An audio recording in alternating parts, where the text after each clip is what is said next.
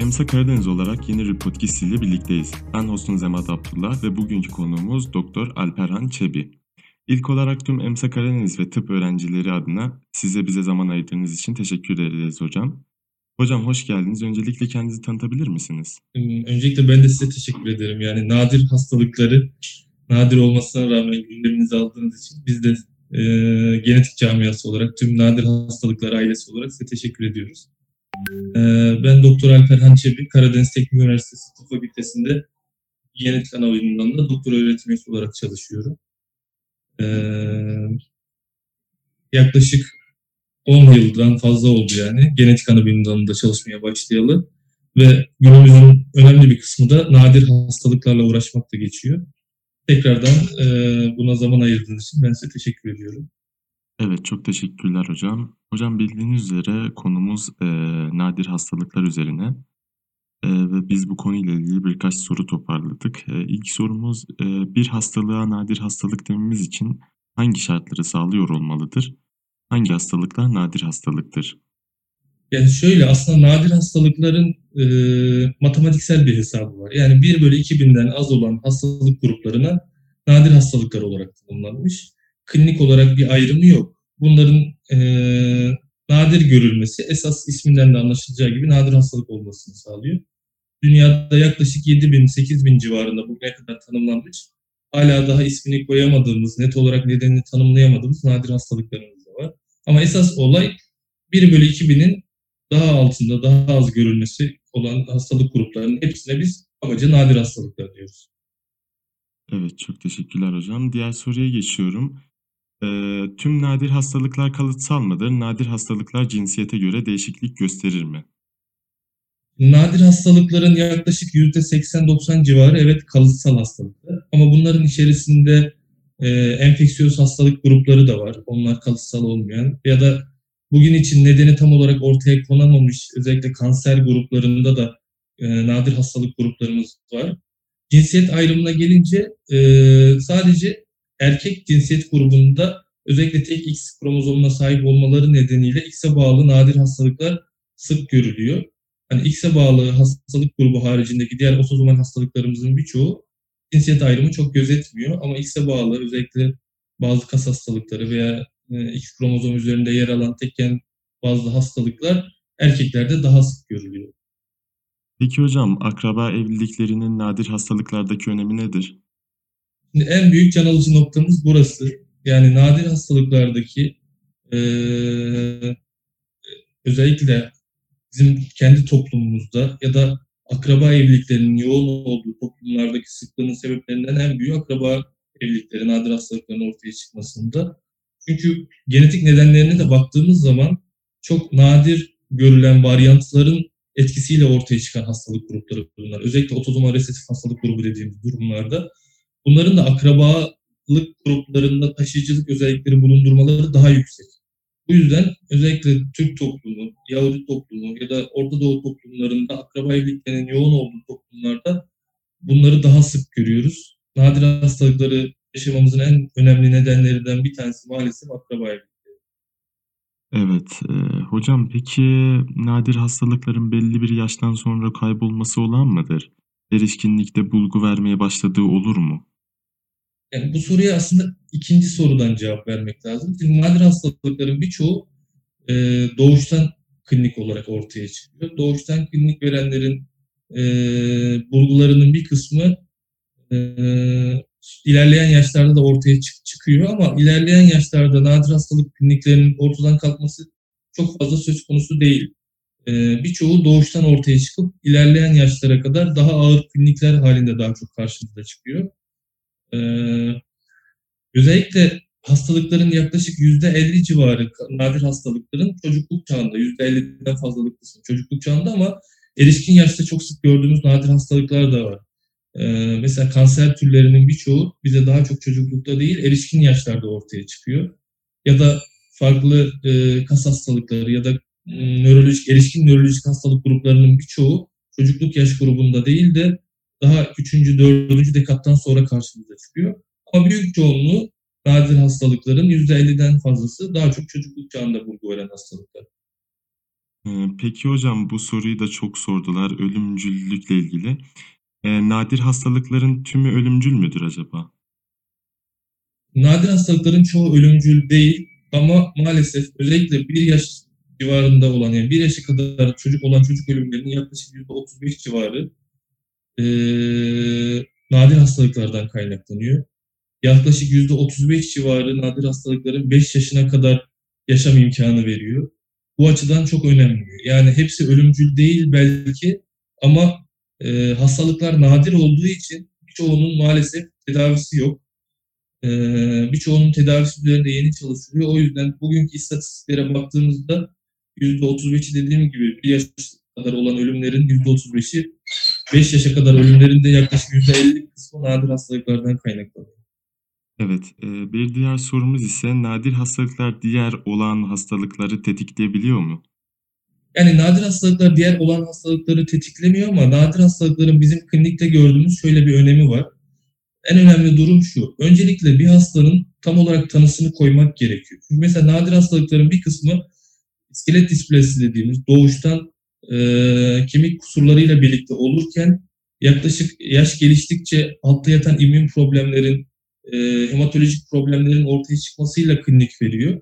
O yüzden en önemli kısmı hastalığın tanısının konup, eee, baştaki klinik sonrası takiplerinde ileride çıkabilecek olan problemleri önceden kestirip ona yönelik önlemler ya da ona yönelik tedavi protokolleri başlayabilmek. O yüzden en önemli kısmı tanısını koyabilmek hastalığın. Eee, ülkemizde en yaygın olarak görülen nadir hastalıklar hangileridir?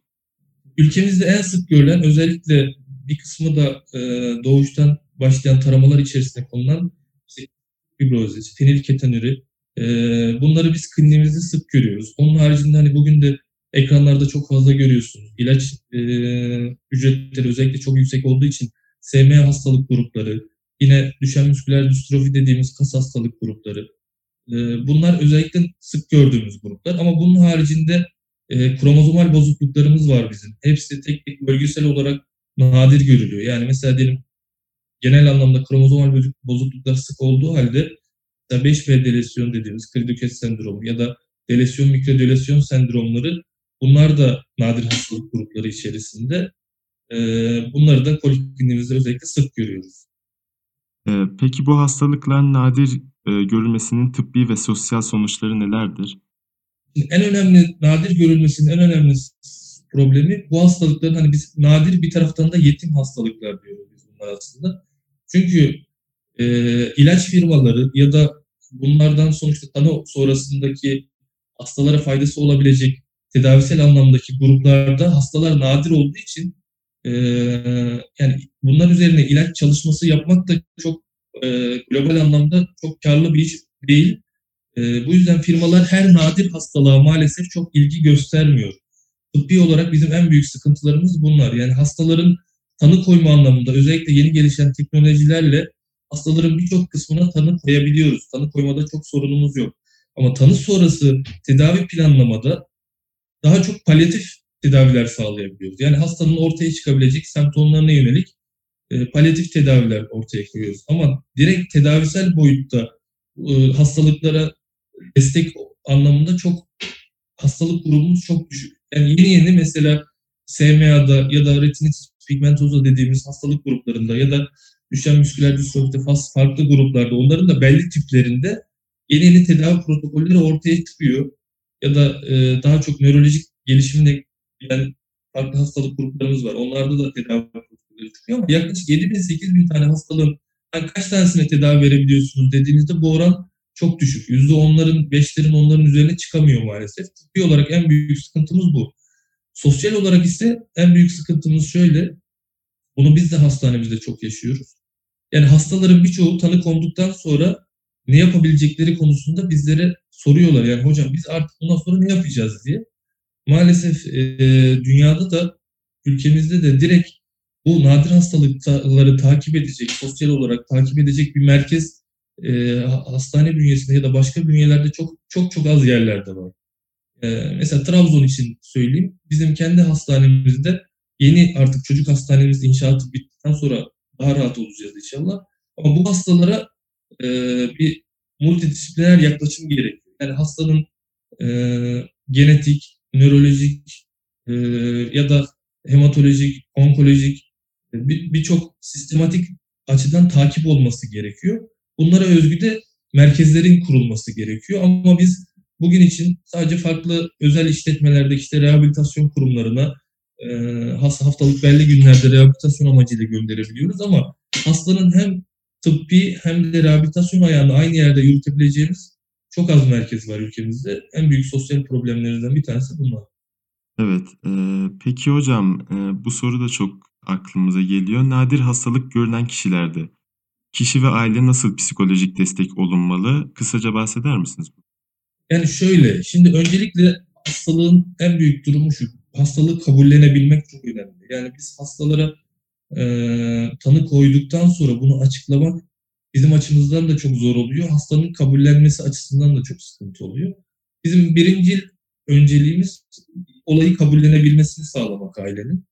İkinci önceliğimiz de kabullendikten sonraki psikolojik destekleri. Yani biz e, mesela bu tarz ailelerin çocuklarıyla yaklaşık günde 6-8 saat vakitleri geçiyor. Bu, bu ailelerin birçoğu sosyal hayattan uzaklaşıyorlar. Başkalarıyla iletişim kurmaktan ya da sizin günlük hayatınızda rutin olarak uyguladığınız farklı sosyal aktivitelerin birçoğunu yerine getiremiyorlar. O yüzden anne babalara da dışarıdan psikolojik destek gerekiyor aslında. Çok bu çok önemli. Çünkü bu hastalıkların bir kısmı yaklaşık 10, 20, 30 yıla kadar anne baba desteği almak zorunda kalabiliyor. Hem e, mental durumu yerinde olan çocuklar yani hastalar için ya da erişkinler için hem de aileler için bu kısım çok önemli. Psikolojik olarak destek çok önemli. Hatta şunları bile görebiliyoruz. Özellikle bazı hastalık gruplarımız var. Mesela diyelim tanısını erken yaşta koyabiliyoruz ama hastalık kliniği yaklaşık 30-40 yaşlar civarında çıkıyor ve sonrasında yatağa bağlı duruma gelebilecek kadar ağır kliniğe neden oluyor ve tedavisi olmayan hastalıklar. Bu hastalıkların o kişiye açıklanması, açıklandıktan sonra o kişiye psikolojik destek çok önemli. Çünkü hastaların bir kısmı intihara kadar gidebilecek durumlara neden olabiliyor. Yani hasta diyor ki ben işte 25 yaşındayım. Önümde 10 yıl belki var yani hastalık etkini olabilecek. Ve kalıtsal hastalık olduğu için bunu bazen babasından, annesinden onların klinik durumlarını da gördüğü için ben 10 yıl sonra, 15 yıl sonra bu duruma geleceğim deyip intihara teşebbüs eden hastalık, hastalar bile var yani. Bunların psikolojik olarak biraz önce söylediğim buna özgü yerlerde, buna özgü desteklerle e, bir şekilde psikolojik olarak değerlendirmeleri lazım. Ama bu konularda hala daha yeterli düzeyde değiliz maalesef. Peki hocam nadir hastalıklara farkındalık ve mücadele ile ilgili kurum ve koşullar nelerdir? Yani şöyle, özellikle son 1-2 yıldır Türkiye Büyük Millet Meclisi'nde nadir hastalıklara özgü komisyonlar kuruldu. Bunun haricinde e, aslında nadir hastalıkların hepsinin kendine özgü bir farklı dernekleri var. Yani mesela Hematolojik Nadir Hastalıklar Derneği ya da Kas Hastalıkları Derneği ya da Kistik Fibroz Derneği gibi. Ama şimdi e, bunlar nadir olduğu için seslerinin ortaya çıkarmaları daha zor. Şimdi birçok nadir hastalık derneği birleşip nadir hastalıklar ağı diye e, yeni bir konsorsiyum özellikle ülkemizde kurdu. Bunlarla birlikte yani nadir hastalıkların birçoğunun birleşip aslında sayılarını arttırarak çünkü biz nadir hastalık diyoruz ama ülkemizde yaklaşık 7 milyon, 5 milyon, 6 milyon, 7 milyon civarında nadir hastalık hastası var. Orana baktığınızda yaklaşık %7 onlar arasında bir nadir hastalık grubumuz var yani. Tek tek baktığınızda nadir ama birleştiği zaman sayıları gerçekten fazla olan bir hastalık grubu. O yüzden bizim de önerimizdi bu zaten yani. Birçok nadir hastalık grubu kendi arasında birleşip artık e, seslerini daha çok çıkarabilecek bir grup haline geldiler. E, bu şekilde özetleyebiliriz. Evet hocam, şimdi Türkiye dedik. Ee, diğer sorumuz ise Türkiye'de nadir hastalıklar ile mücadele konusunda neler yapılmalı? Veya Türkiye'de nadir hastalıklar ile ilgilenen yetişmiş uzman hekim ile tanı ve tedavi merkezlerinin sayısı yeterli mi? Biraz önce konuştuk zaten. Çok yeterli değil. Ama bu iş bu işin çok yani üç basamağı var. Aslında her işte de böyle olduğu gibi. Yani preanalitik, analitik ve post analitik kısımları. Şimdi bizim e, bu hastalıkları ortadan kaldırmak ya da bu hastalıklar oluştuktan sonraki kısmını ayırmamız lazım. Şimdi preanalitik kısmı şu. Hastalık yani biz hekim olduğumuz özelde bizim yapmamız gereken en önemli kısmı koruyucu hekimlik kısmı. Şimdi bizim de özellikle Doğu Karadeniz bölgesinde planladığımız iki tane projemiz var. Bunun sonrasında tüm ülke genelinde hatta dünya genelinde yayabileceğimiz projeler. Bunlardan bir tanesi şu. Ee, şimdi biz hastalıkların hastaların hepsine tek başına genetik uzmanları olarak ya da hastane, üniversite olarak yetişmemiz ya da onlara ulaşmamız çok mümkün olmuyor. Ama daha periverdeki özellikle e, toplum sağlığı merkezleri ya da aile hekimliği merkezlerine bir bilinçlendirme toplantısı yapacağız. Ne yapacağız? Genetik hastalıkların önlenebilirliği, tanı koyulabilirliği ve sonradan ortadan kaldırılabilirliğine yönelik bir bilinçlendirme toplantısıyla tüm aile hekimlerine, tüm toplum sağlığı merkezlerine güncel e, teknoloji ışığında bunların önlenebilirliğine yönelik bilgi vereceğiz. Çünkü hastaların bir kısmı hiç bize kadar gelemiyor. Yani hastalar evden çıkmıyor bir kısmı ya da aile e, bunlarla çok fazla ilgilenmediği için özellikle akraba evliliğinin fazla olduğu daha taşra bölgelerinde biz birçok hastayı daha henüz hiç görememiş oluyoruz. Ama aile hekimlerinin birçoğu o bölgeleri biliyorlar. Biz bunlara eğitim vererek en azından oradaki hastaların tanılarını koyup aile taramalarını yapıp bir taşıyıcılık olduğu zaman tekrarlayan gebeliklerde bunu engelleyebilecek bir proje düşünüyoruz. Bu bir tanesi.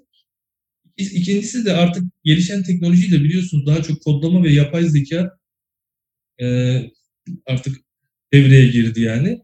Planlarımızdan da bir tanesi şu, genetik nedenlerini ortaya koyduğumuz hastaların e, genetik sonuçlarını bir havuza koyup daha sonra e, yine e-devlet üzerinden aile taraması yapabildiğimiz bir sistemimiz var. Yani e-devlet siz girdiğiniz zaman tüm akrabalıklarını ya da bağlantılarınızı görebildiğiniz bir sistem oluşturuldu.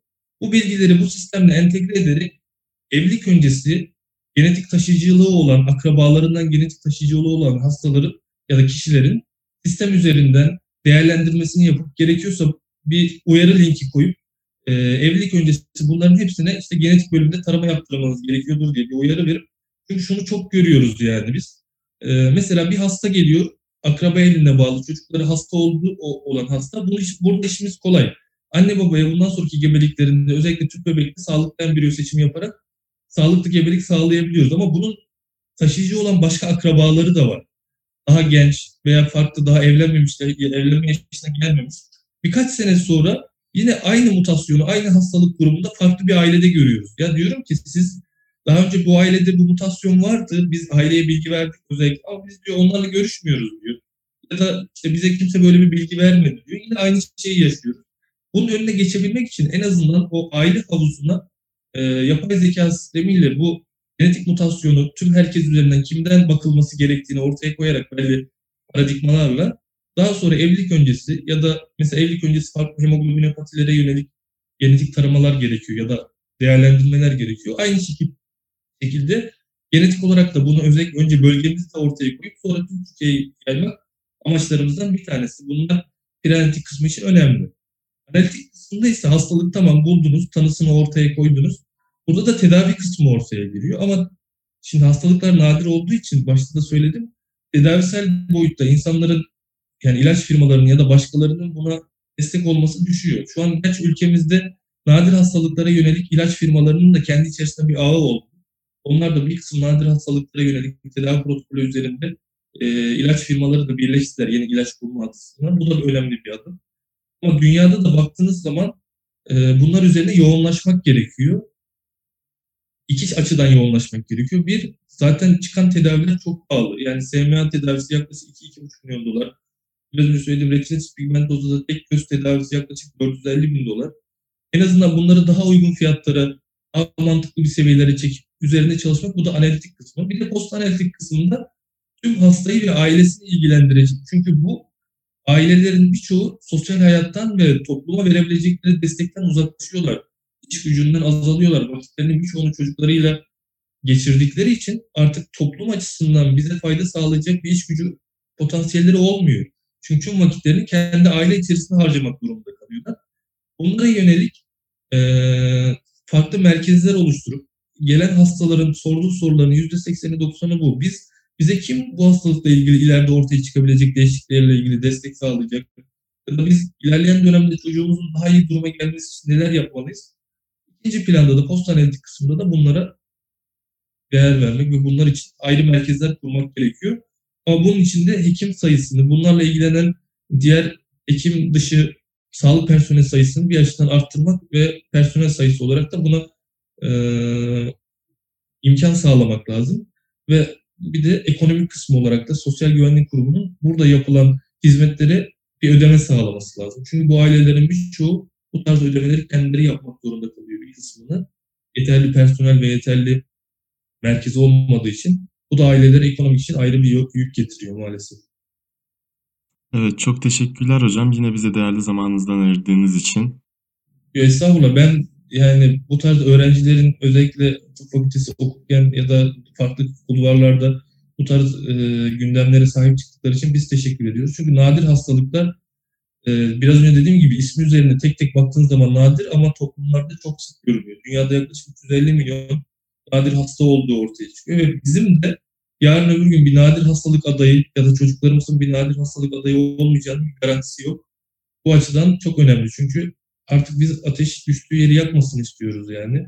Herkes konularda bir farkındalık ortaya çıkarsın istiyoruz. Sadece e, bu dönemlerde bunlara yönelik bir farkındalık değil de tüm zamanlara yönelik farkındalık istiyoruz. Çünkü bu aileler maalesef bu e, sonuç ortaya çıktıktan sonra çok sıkıntı yaşıyorlar. Bir podcastimizin daha sonuna geldik. Umarım bu podcast sizin için faydalı olmuştur. Et Emsa Karadeniz sayfalarını Instagram, Spotify ve Twitter üzerinden takip edebilirsiniz. Umarız herkes bu pandemi dönemini sağlıklı bir şekilde geçirir. Önümüzdeki podcast'te görüşmek üzere.